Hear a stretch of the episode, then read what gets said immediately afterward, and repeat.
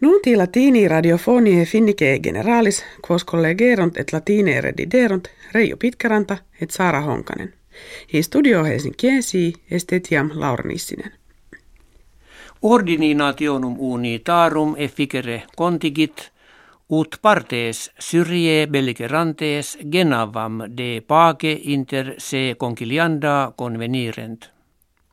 Colloquia tamen minus prospere successerunt, ut vel inde apparet quod ne eaquidem questio, quonam modo auxilium humanitarium in urbem emesam perferretur jam solvi potuit.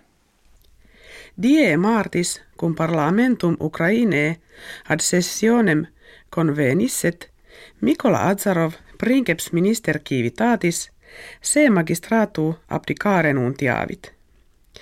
Dixit se hoc consilium ideo fecisse, ut discrimen politicum in quo res publica jam duos meses versaretur, cum pace amoveretur. Paulo post totum regimen Ukraine munus deposuit. Die lune septuaginta anni acti erant cum urbs Petropolis, kve non ita pridem Leninopolis appellabatur, obsidione Germanorum liberata est. Constat eam per octingento septuaginta duos dies ab hostibus circum sessam esse, ibique interea saltem sescenta quinqua ginta milia hominum vitam amisisse. Memoria obsessionis amplis solemnitatibus, kivibus etiam presidens Vladimir Putin inter erat Petropoli recolebatur.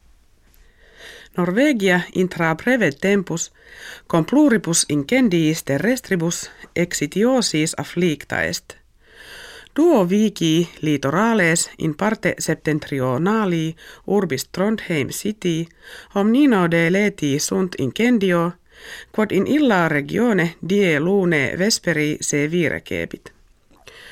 Non aginta fere domus combuste sunt, sed nemo in colarum interfectus est.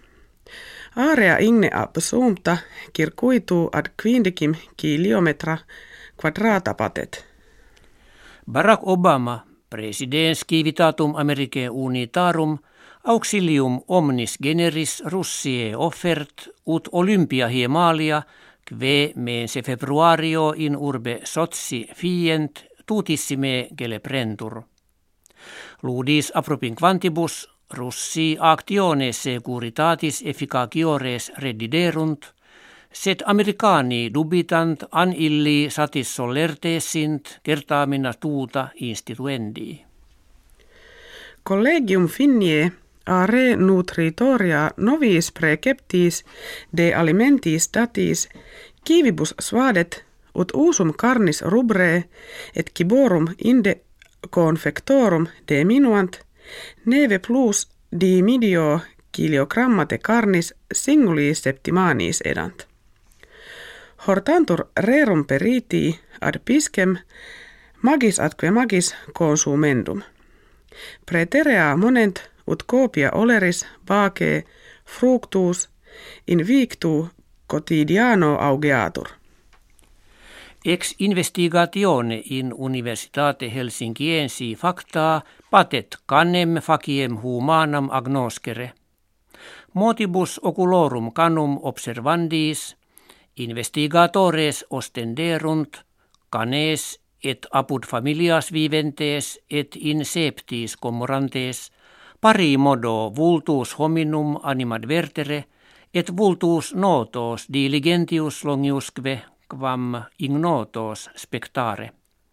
Ratione huius rei habita concluserunt canem hominis simillimum esse. Hec habuimus que vobis hodie referemus. Valete.